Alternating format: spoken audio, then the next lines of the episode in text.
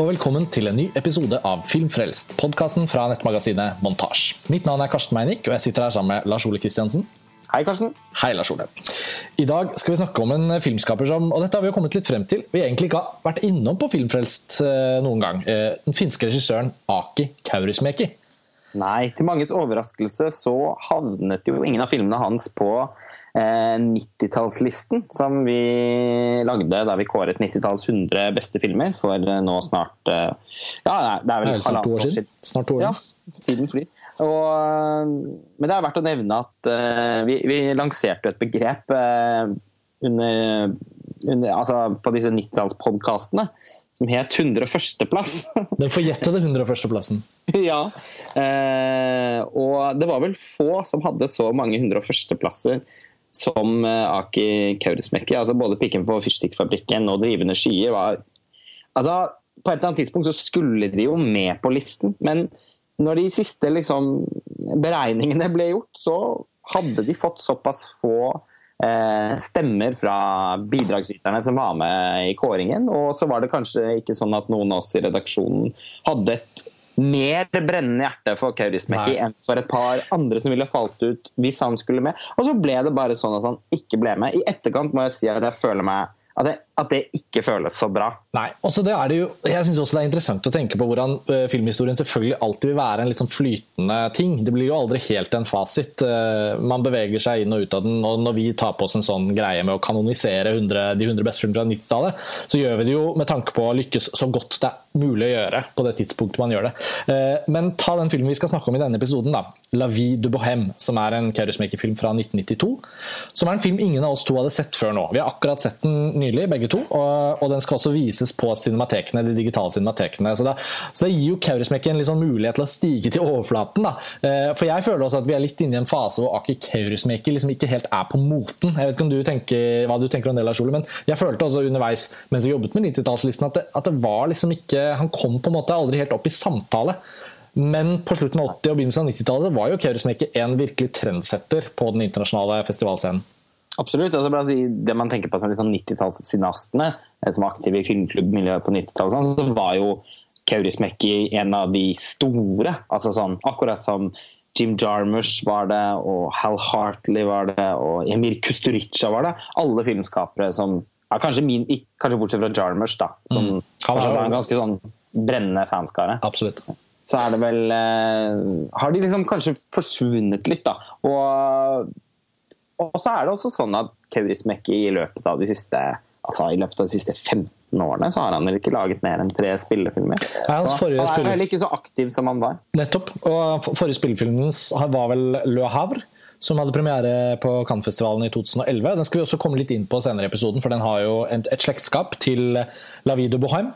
Men det er jo, jeg syns det er fascinerende å tenke på litt nettopp dette, da, med hvordan, hvordan noen filmskapere som opplagt har en plassering i filmhistorien og, og som har, har, en filmografi som man ofte liksom peker til. og Det er ikke uvanlig å si ja, det var litt sånn Kaurismäki-aktig situasjon, eller humoren hadde en litt sånn der, lunefull tone. ja, litt sånn som Kaurismäki. Altså, det er ikke det at han er helt borte, men det er interessant, for han har såpass rik filmografi og laget mye filmer, øh, men at det liksom bare forsvinner. Det, det, fascinerer meg litt. Og, og, og, og, så kan man si kanskje ja, strøm, eh, sånn Netflix og tidsalderen for strømming og videobutikken er død og sånn. Det er jo umulig å få tak i en Kaurismäki-film hvis ikke du er villig til å kjøpe en DVD nå til dags. Du kan ikke liksom bare gå inn på Netflix og browse gjennom Kaurismäki-katalogen. Så det er kanskje vanskelig for de yngre generasjonene i det hele tatt vite at han finnes der. Ja, det er sant. Eh, men jeg blir jo sånn, når vi nå, sånn som nå, da, når vi får en anledning til å, til å se en ny Kaurismäki-film mm. altså eller en ny for oss, ny for oss altså gammel kaurismäki-film som vi ikke har sett. Ja.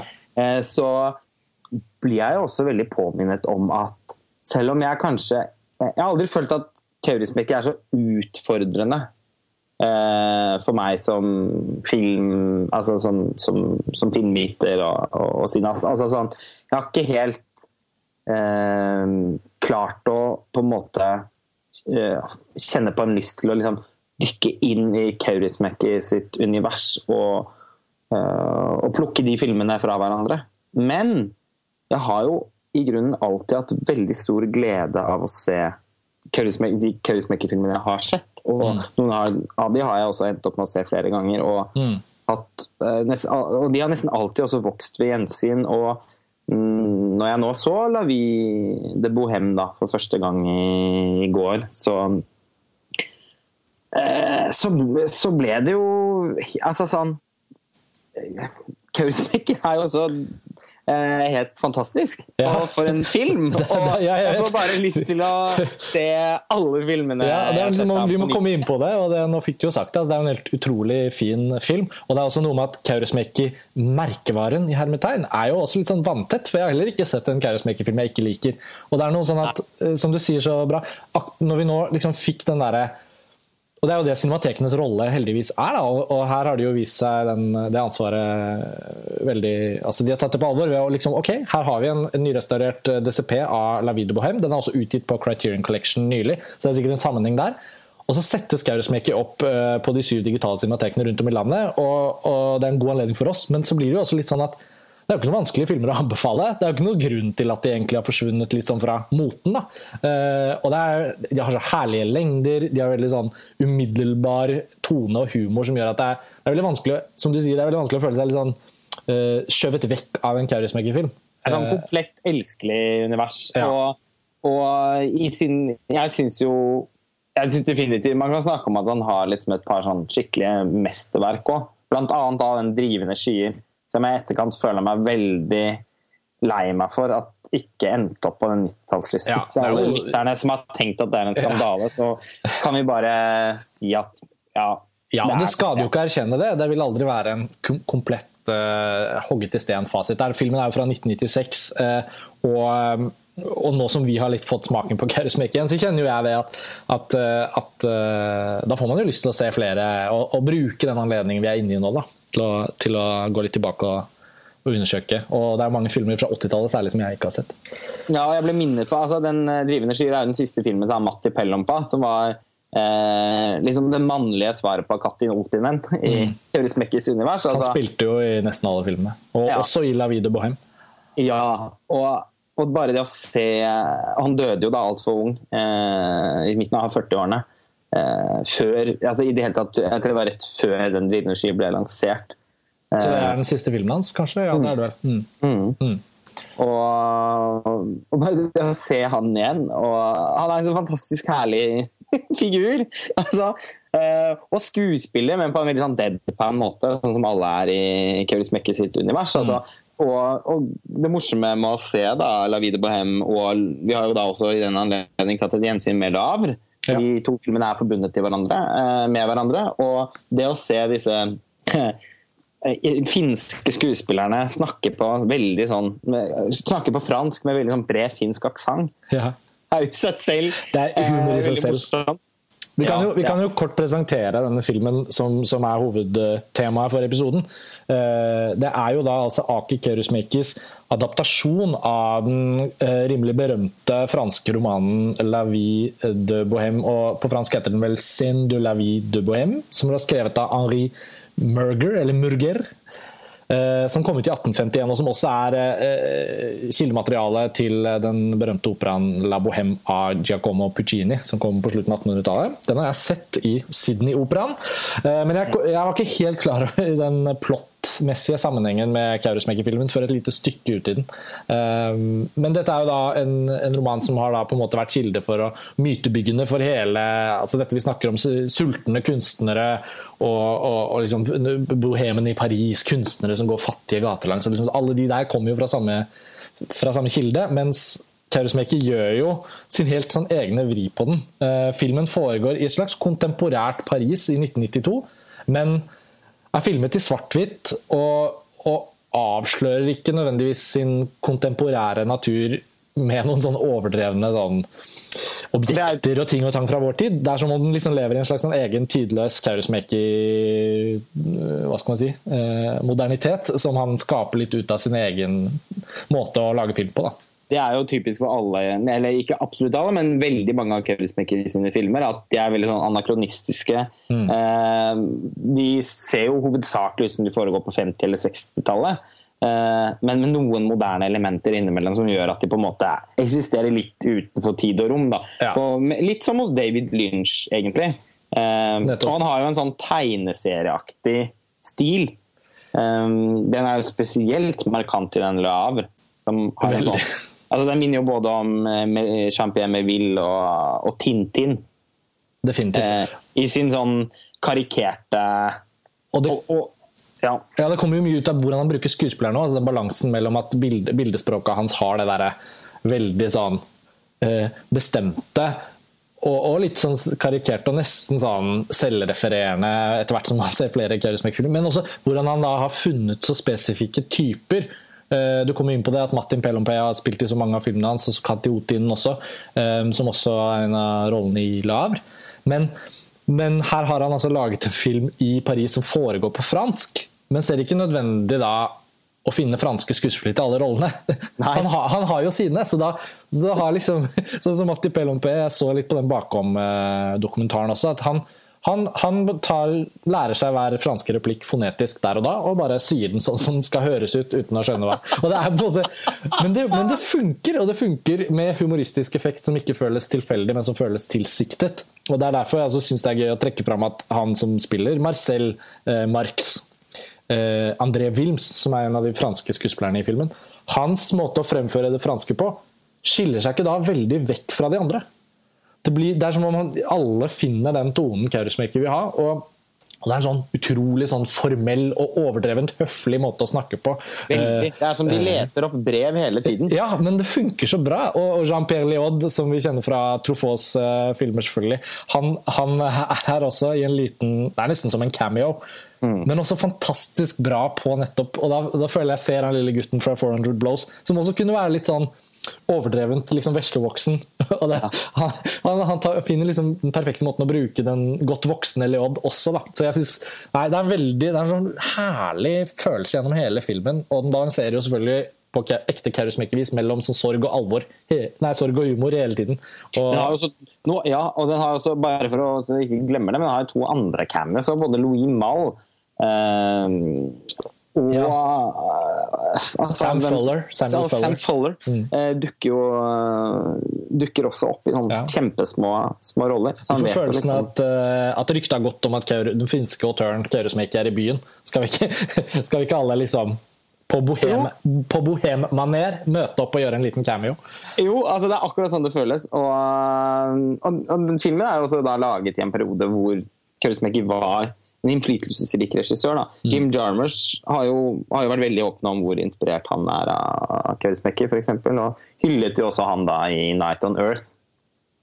Et, ja, var det eh, året før eller eh, året etter? Det var nesten samtidig, var det ikke det? Ja, jeg husker ikke helt eh, hva som er det presise årstallet. Men altså rundt samme periode. Ja, og La, La Vida Bohem var jo også Kaurismäkis niende spillefilm, men på like mange år. Så han var jo veldig produktiv også gjennom 80-tallet og slutten av, altså begynnelsen av 90-tallet. Mm. Eh, så man ser jo også at i La Vie de Bohème så er det jo en, en, filmkunstner som har virkelig begynt å få en form for sånn trygghet på hva som er hans måte å lage film på. Og, ja. og franskmennene fransk, og franskmennene har jo også visst å liksom invitere autører eh, de begynner å få sansen for.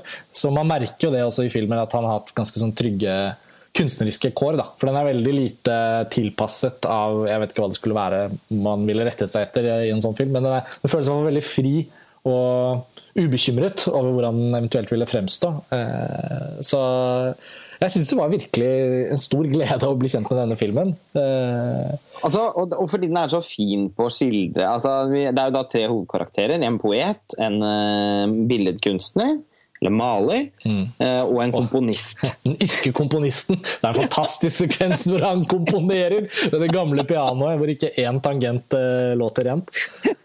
og alle er da altså sånn Kaurismäki er jo outsidernes og tapernes uh, regissør. Og de tre knytter da et vennskap fordi de, ingen av dem egentlig har noe ordentlig sted å bo og klarer å tjene til livets opphold på en respektabel måte. Eh, og når de da får relasjoner til hverandre, og i tillegg får noen sånne relasjoner til, til kvinner som de også på en måte er litt sånn felles om, eh, eller i hvert fall er på utkikk for hverandre etter. Eh, kanskje fordi de tenker at eh, de kan ha noe å tjene på det. altså Ikke bare, ikke bare er det romantiske, men også en potensielt sånn, noe som kan passe på meg i livet mens jeg holder på med kunsten min. Mm. Eh, men det er også en sånn evig sånn kronerulling mellom eh, disse tre hovedkarakterene, som, som, er veldig rørende, og som man også kan se i, i Lavr, da, som, som, har en del likhetstrekk med denne filmen.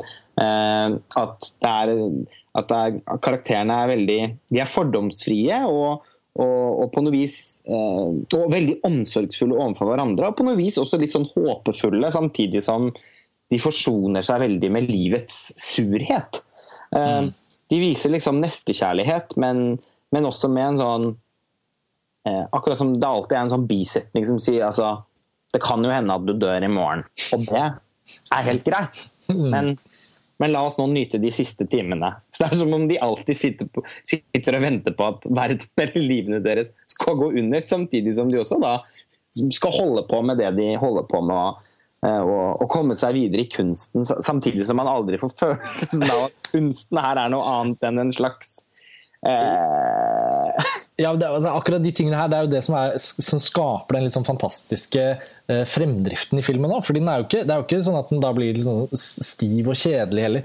Det er alltid egentlig noe som skjer, og den der litt sånn hånd-til-munn-aktige livsstilen til disse bohemene blir jo litt også Kaurismäkis grep. da. At det er på en måte fra den ene filmiske ideen Uh, Riktignok er det en adaptasjon, som vi sa innledningsvis. Altså, det er jo et plott under her som kommer fra den romanen, men egentlig har jo Kaurismäki tatt seg ganske mange friheter og på en måte avventer hele tiden litt sånn Det er som om han står og venter på hva er det rollefigurene kan dumpe opp i nå, og så tar han det når det skjer, og så liksom drar han det videre på en veldig fin måte.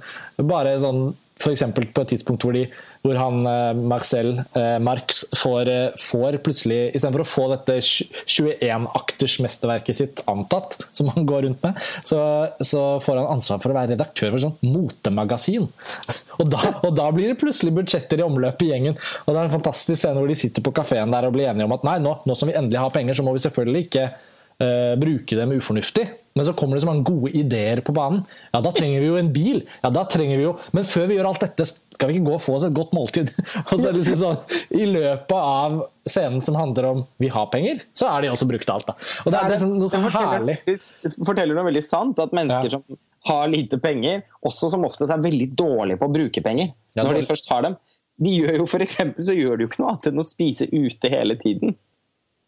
Altså, med en gang de får noen tusenlapper mellom hendene, så skal de på en måte ut og spise og drikke og, ja. og, og leve livet. Og det er også en veldig tragisk scene hvor han uh, Pellompa-karakteren Ja, Rodolfo.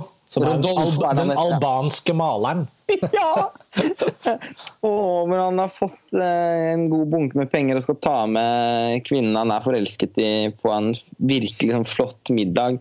Uh, og så på T-baneturen til til restauranten så blir han da frastjålet pengene av en pickpocket. Ja.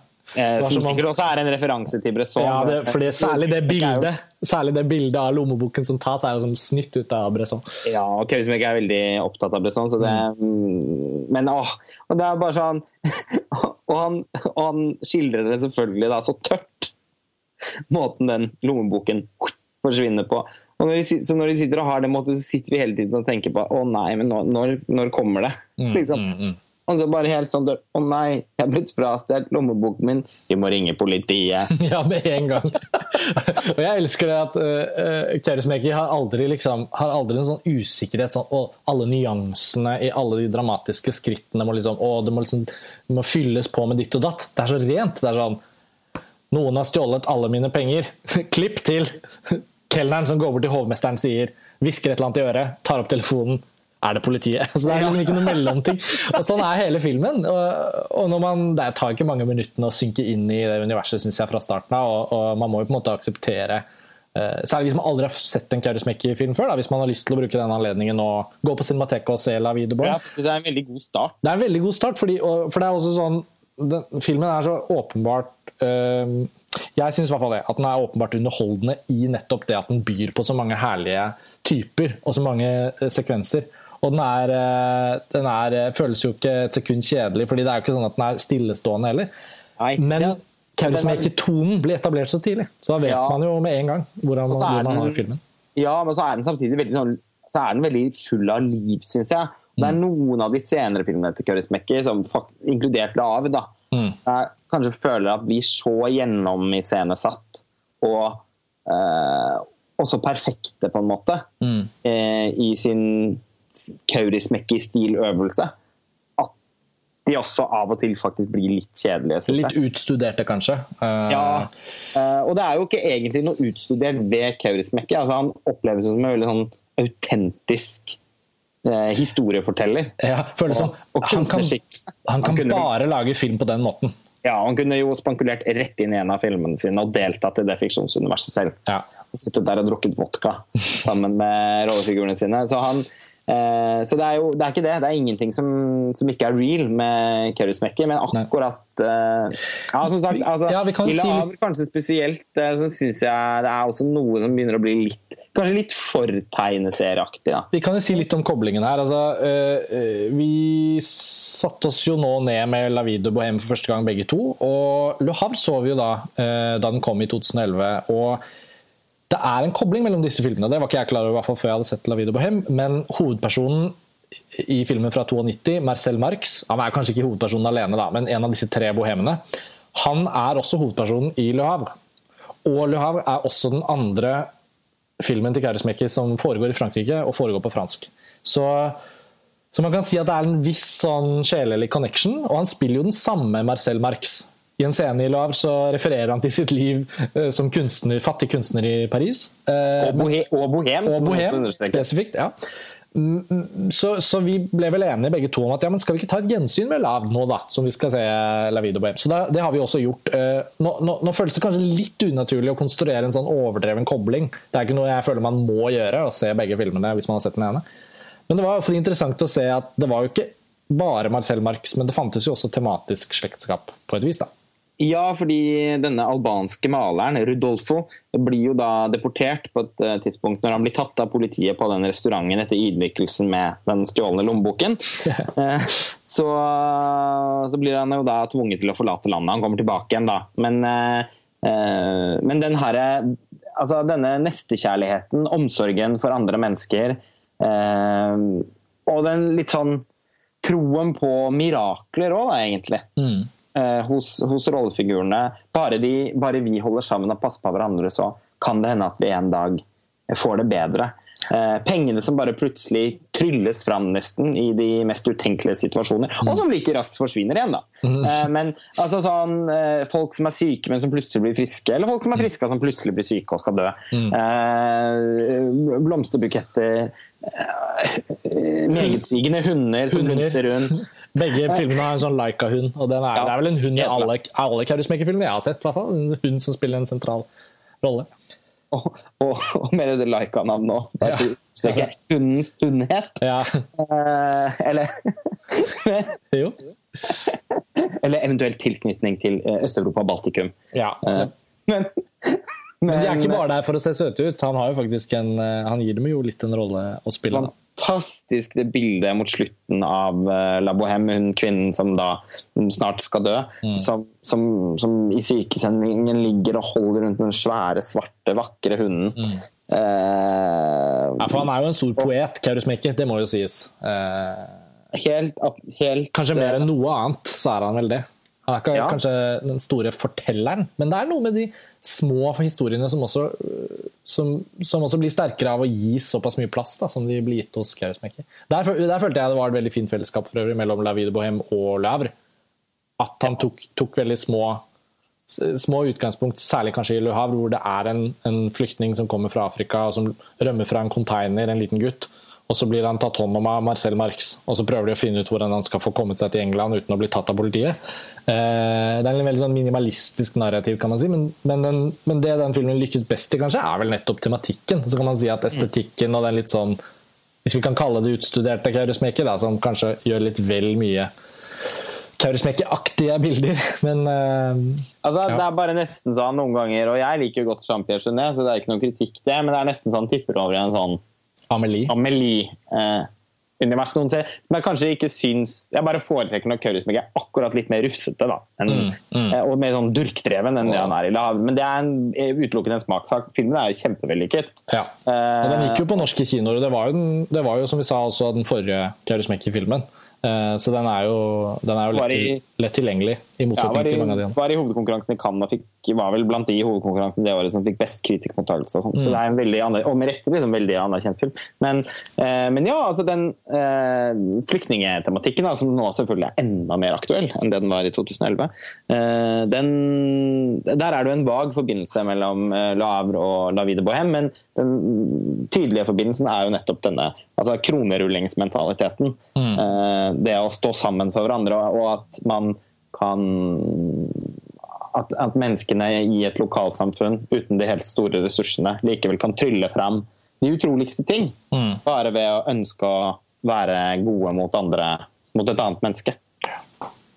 Jeg synes de er veldig, og jeg synes Det er nettopp det som gjør Kaurismäki-filmene, særlig begge disse to vi snakker om. Jeg synes de har veldig rørende grunnmoral, eller grunn... Hva skal man si? Den emosjonelle effekten av filmens fortelling blir alltid ganske sånn sterk. Ja. Og det, det, fine i La Vida Bohem er at den har en, den har en såpass sånn snål, eh, vil jeg si, eh, humoristisk tone at man forventer kanskje ikke at filmen skal ende opp med å bli gripende. er kanskje ikke det jeg sitter og tenker at den skal bli, Men så blir den det, og jeg syns det er merkelig hvordan han får det til. Eh, for det er aldri så affektert. Det er som Nei. om det liksom bare Tristessen som hele tiden har vært humoristisk, blir plutselig trist. Uh, og man merker ikke helt hvordan det skjer. I hvert fall tenkte ikke jeg på at det var noen sånn uh, plottmekanikk eller noe sånn der 'her kommer det dere'-stemning. Det var liksom bare Helt mot slutten av filmen så bare innser man at ja, men dette er jo egentlig også sørgelig på en ganske ekte måte. Mm. Han har ikke noe ironisk distanse, selv om det er mye humor der. Så syns jeg det er veldig imponerende hvordan, hvordan han egentlig liksom er litt sånn matter of fact. Ja, den, altså, han er ironisk distanse finnes ikke. Han er jo han er helt altså Jeg tror han 100% identifiserer seg med livene mm. som rollefigurene lever, og, har veldig, mm. og, og, skildrer dem jo på en veldig respektfull måte. Det, det, altså dette, dette, språklige eh, grepet han gjør òg, med at de snakker så Selv de liksom mest sjofle eh, typene snakker jo eh, et veldig sånn dannet språk. Mm. Og er veldig sånn rakryggede i måten de framstår på i rommet, selv om de også på en måte du kan kjenne liksom vodkaen stinke gjennom, ja. uh, gjennom skjermen eller lerretet. Ta han uh, Rodolfo, da, den albanske maleren f.eks. Eh, både du og jeg fant jo en del humor i hvordan hans malerier faktisk ser ut. Altså, altså de, var så, de, var så, morsomme at jeg skrek. Ja, og, og, og, og humoren er jo selvfølgelig fordi du, Man ser jo også på en måte Det er ikke stor kunst, men, men bare for å eksemplifisere, da så er det likevel ikke sånn at uh, Kaurismäki tar en sånn um, ironisk approach hvor det skal liksom se ut som han ikke er en god maler. For det, det er ikke heller det. Kaurismäki klarer å liksom vise at Rodolfo, maleren, er inderlig en maler i sitt eget blikk. Altså han, han maler, men han har også erkjent at han at han må nå gjerne få solgt dette maleriet sånn at han får spist. Altså, så Det er ikke sånn at han står og pirker og han er ganske produktiv. Så, så, jeg tenker på det med at humoren da ikke har en sånn Se på det her, liksom. Er det ikke Nei, ikke. Men bildene er jo også kjempefine. Ja. De er bare så, så skakke og rare. Altså, det er noen av de fineste bildene jeg har sett på lenge. Portretten av hunden hans, og ikke minst ja. det fantastiske portrettet av Jean-Pierre Lehan. Ja, altså, det er sånn, det ligner, apropos Jean-Pierre og Amelie, så ligner det jo litt på de bildene som Amelie har i leiligheten. Det kan man si. Der er det en kobling. ja, altså de har en sånn eh, Så han tar jo ikke det grepet med, at han skal latterliggjøre det kunstneriske prosjektet, sånn som f.eks. Abdelaktif Keshish gjør i 'Den blå er den varmeste fargen'. da, hvor, eh, ja, det kan man si. hvor karakteren til Lea Seidol lager liksom forferd denne forferdelige kafékunsten som ja, ja, alle kan se at er veldig veldig dårlig, men som hun likevel er så stolt av. Og... Men, men, det blir noe helt annet igjen. ikke sant? Så eh, Kaurismäki er um det hjertet han viser da, for det som også er humoristisk fordi det er tåpelig eller meningsløst, eller uh, litt sånn håpløst, kanskje. Eh, mm. det, det, er, det, er, en av de finere tingene, tror jeg. Vi, særlig hvis man ikke har sett Kaurismäki-film før og kanskje begynner nå. da. Det å dykke inn i det, forhåpentligvis, etter mitt syn, så er vi kanskje inne i en litt sånn postironisk eh, tidsalder. Hvor den overdrevne hakkingen fra 90-tallet gått over i en mer sånn ja, verden er eh, preget av alvor, og, og, og, det må vi også se på film. Liksom. Så da, kanskje Kaurismäki kan kan få stige opp igjen til overflaten, ikke bare for oss, men for flere.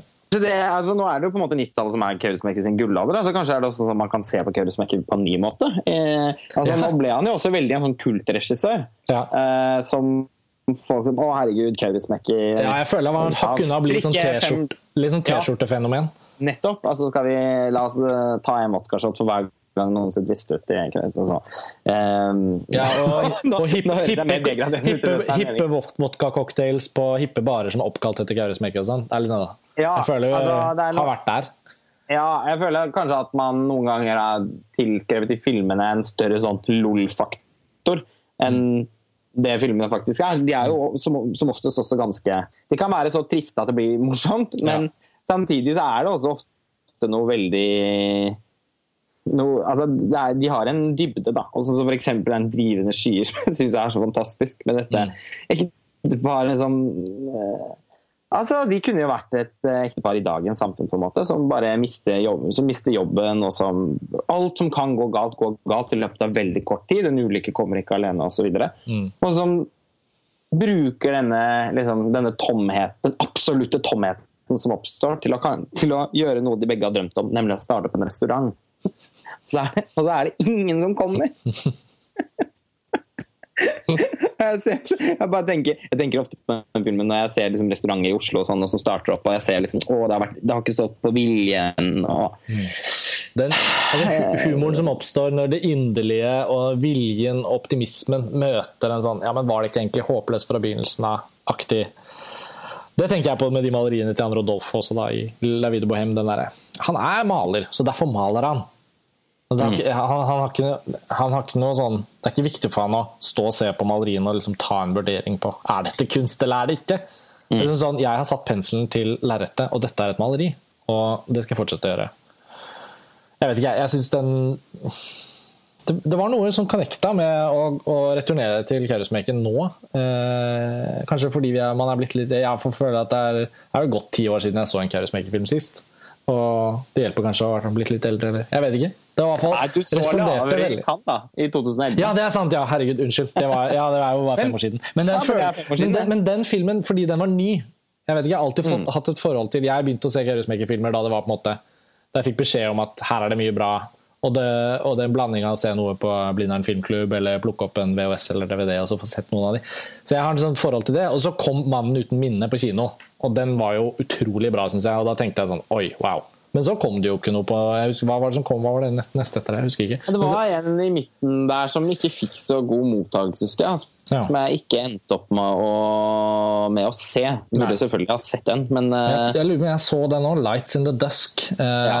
ja. den har jeg også sett. Uh, men den gjorde ikke så voldsomt inntrykk. Og så er det Loire. Ja. Men uansett hvor mange år som har gått, så føler jeg i hvert fall at det har vært, vært veldig en lang periode uten Kaurismäki. Og, og, eh, bare for å ha sagt det også, nå, nå har vi jo nevnt at uh, La Vida Bohem skal vises på cinematekene. Visningen er nå torsdag 14. april eh, i både Bergen, Kristiansand, Lillehammer, Oslo, Stavanger, Tromsø og Trondheim. Alle byene har den visninger der. Så, og Det som er flott med det, er jo at eh, det er jo ikke mye Kaurismäki, bortsett fra disse to, da, 'Bohemenes liv' og 'Lavr', som er utgitt på Criterion Collection i Blu-ray, så har man jo ikke helt følelsen at det har vært det store restaureringsprosjektet heller av Kaurismäkis filmer. Så, Når det er sagt, så er de gamle DVD-ene som Sandra ja. den gang Sandra mm, ga ut på begynnelsen av 2000-tallet, ja. som var da altså Det er jo ca. ti år siden jeg hadde min sånn runde med Kaurismäki òg. Jeg mm. så mange av filmene hans. Og mm. uh, det er veldig god kvalitet på dem. Så hvis ja. de fortsatt finnes å få kjøpt, så er den Sandra-boksen å anbefale. For der får man liksom de, de, de mest kjente filmene hans. Altså, Ariel, var fantastisk morsom. Eh, pikken på Fyrstikkfabrikken, ja. som er veldig sur, ja, men også bra. litt fantastisk. Ja. ja den er litt, sånn, litt transmak, men den er veldig bra. Ja, og, og 'Drivende skyer', som, som, jeg da virker, kanskje syns er hans beste film eh, ved siden av 'Mannen uten minne'. Og 'Mannen uten minne' er også da i den boksen. Så den, tror, eh, hvis den fortsatt. Ja, for det er det. Jeg tror ikke den Jeg tror ikke nødvendigvis den er så lett å få tak i. De, de, de Kaurismäki-boksene som er tilgjengelige nå, er jo de fra Storbritannia. Eh, nå snakker vi da selvfølgelig til lytterne våre som fortsatt eh, er opptatt av fysisk format, hvis det er noen der ute. Og det er jo de Aki Kerusmeki Collection. Det er tre volum, da, tre bokser. Da får man jo veldig veldig mye. De er jo både tilgjengelige tror jeg, på platekompaniet og, og, til bestilling fra Storbritannia. hvis man er ute der. Så de, de er jo, Det er ikke det at det ikke er tilgjengelig, da, men jeg tenker vel Nå har vi jo gjentatt det et par ganger i løpet av podkasten, så det er kanskje til kjedsommelighet. Men det føles som om Kaurusmekki har vært veldig på vent. Og forhåpentligvis så kan denne, denne første digitale DCP-en av eh, La Vida Bohem, som nå skal vise på Cinemateken, være igangsettelsen eh, Jeg kjenner meg i hvert fall veldig inspirert, eh, må jeg si. Av å dykke litt tilbake til Kaurusmekki. Ja, jeg fikk, virkelig, jeg fikk bare lyst til å sette meg ned og se Kaurusmekki. Mm. Så og det oppsummerer så, litt så, sånn sett så kunne jo ikke dette gjennomsynet vært bedre. Nei, og det oppsummerer litt det vi, det vi, skulle snakke om. Vi lovet hverandre at dette ikke skulle bli en sånn monsterepisode. Men vi er iallfall inspirert til å gå tilbake og se mer Kaurismäki. Jeg har konsentrert meg veldig om å ikke si Kiarostami noen av de gangene jeg skulle si Kaurismäki i løpet av denne episoden.